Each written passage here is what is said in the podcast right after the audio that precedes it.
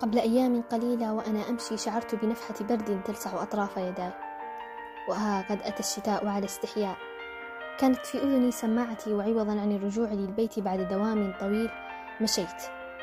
لم أحدد وجهة معينة أو ممشى اخترت ممر طويل على جانبيه بيوت وبين كل بيت وبيت شجرة كبيرة وأخرى صغيرة أو الاثنين معا. مشيت أكثر ثم تخيلت أن المسار الذي أمشي عليه كان مسارا للعدائين الذين سبقوني إلى هنا. ممر الاثنين تقاطعا على نفس المسار ثم ارتفعا بالحب أو ربما كان ملجأ لقطة انتهت حتى استقرت. أنا نهى وهذا بودكاست من خلف نافذة. المشي من أهم عاداتي اليومية سواء كان مشيا بصحبة أفكاري أو المشي السريع بعقلي الشارد أمشي دون اكتراث لكم سعرة حرارية قضيت عليها أو احتفظت بها. هذا الفعل يعيدني لشخصية الحكاءة التي تتخيل القصص وتكتبها وتغوص في تفاصيلها. أمنح لنفسي كل القصص التي من حولها. تلك النافذة ذات الخشب المهترئ. كيف هي أشكال من خلفها؟ ثم أتخيلهم بأشكالهم المختلفة ومخاوفهم منا نحن المارة. واعتيادهم على رؤية نفس الطريق كل يوم. أتأمل طفلة بعمر العاشرة تفتح تلك النافذة وتدندن. مرة في حينا زارنا فيل ظريف برفق قال لنا ليس هنالك ما يخيف أمشي أكثر. وها هي امرأة ببطن كروي يشبه البطيخة. بصحبة ولد يمسك آيباد في يده اليسرى شاكيا باكيا جائعا. والأم ما زالت ببرودة لا تستجيب أو أنها لا تسمع. أوه نفضي نفضي عنك كل هذا.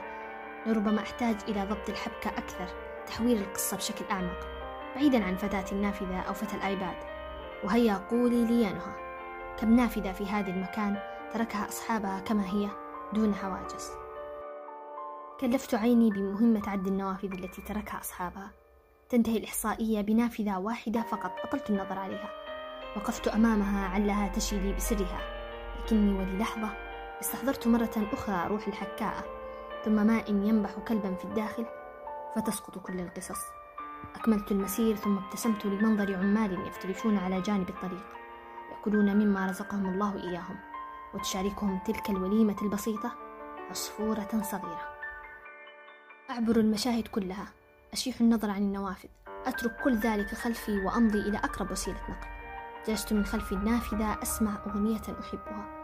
أتخيل أن تكون في بيتي نافذة كبيرة واسعة تؤنسني ويأنس المشاة بالنور الدافئ الخارج من مكاني.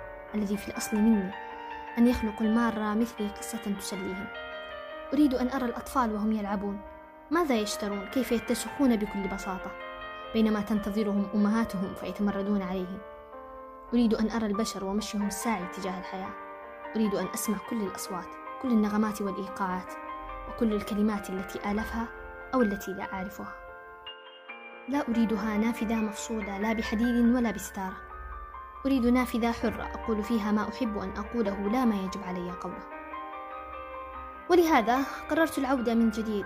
عدت للبيت وكتبت الحلقة الجديدة من الموسم الثاني لبودكاست من خلف نافذة.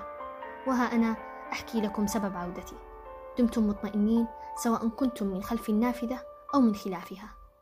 أراكم أو تسمعونني إلى لقاء آخر إن شاء الله.